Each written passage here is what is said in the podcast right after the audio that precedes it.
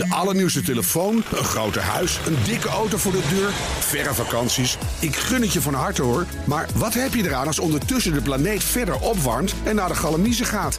Wil je echt weten hoe het zit en wat we eraan kunnen doen? Luister dan naar BNR Duurzaam. Elke maandag tussen 3 en half 4 op de radio en altijd online als podcast. Want die volhoudbare wereld, die maken we samen. BNR Duurzaam wordt mede mogelijk gemaakt door Milieuservice Nederland. De ondernemende afvalpartner voor zakelijk Nederland.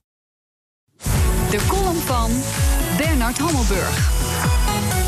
Donald Trump Jr., de favoriete zoon, en Jared Kushner, de ideale schoonzoon, blijven volhouden dat ze geen complotontmoetingen hebben gehad met de Russen.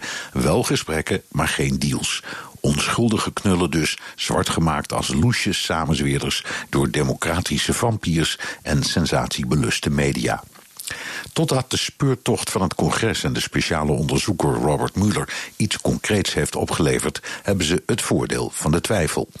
De argumentatie van Trump Jr. klinkt plausibel en krijgt in het From Russia with Lies feuilleton opmerkelijk weinig aandacht. Ja, hij heeft contact gehad met dubieuze Russen die hem schadelijke informatie over Hillary Clinton hadden beloofd, maar bij nader inzien ging het over de adoptie van Russische kinderen. Waarom geloof ik hem op dit punt?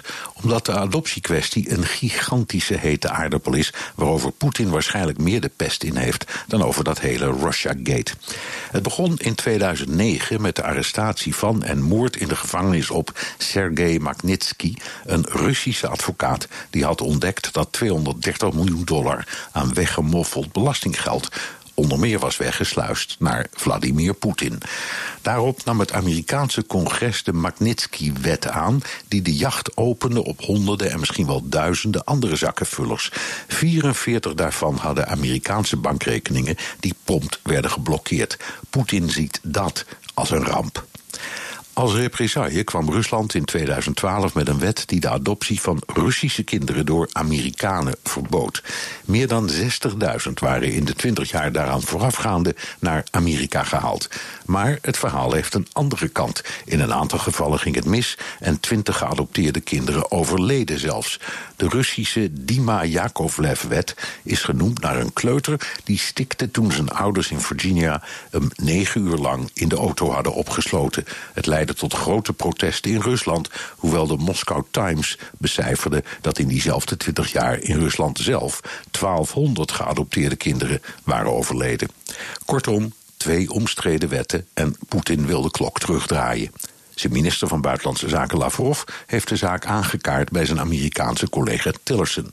Dat Russische afgezanten hebben geprobeerd Trump junior te bewerken, ligt veel meer voor de hand dan dat ze langskwamen om de favoriete zoon in verkiezingsfraude te betrekken. Allernieuwste telefoon, een groter huis, een dikke auto voor de deur, verre vakanties. Ik gun het je van harte hoor. Maar wat heb je eraan als ondertussen de planeet verder opwarmt en naar de galamiezen gaat?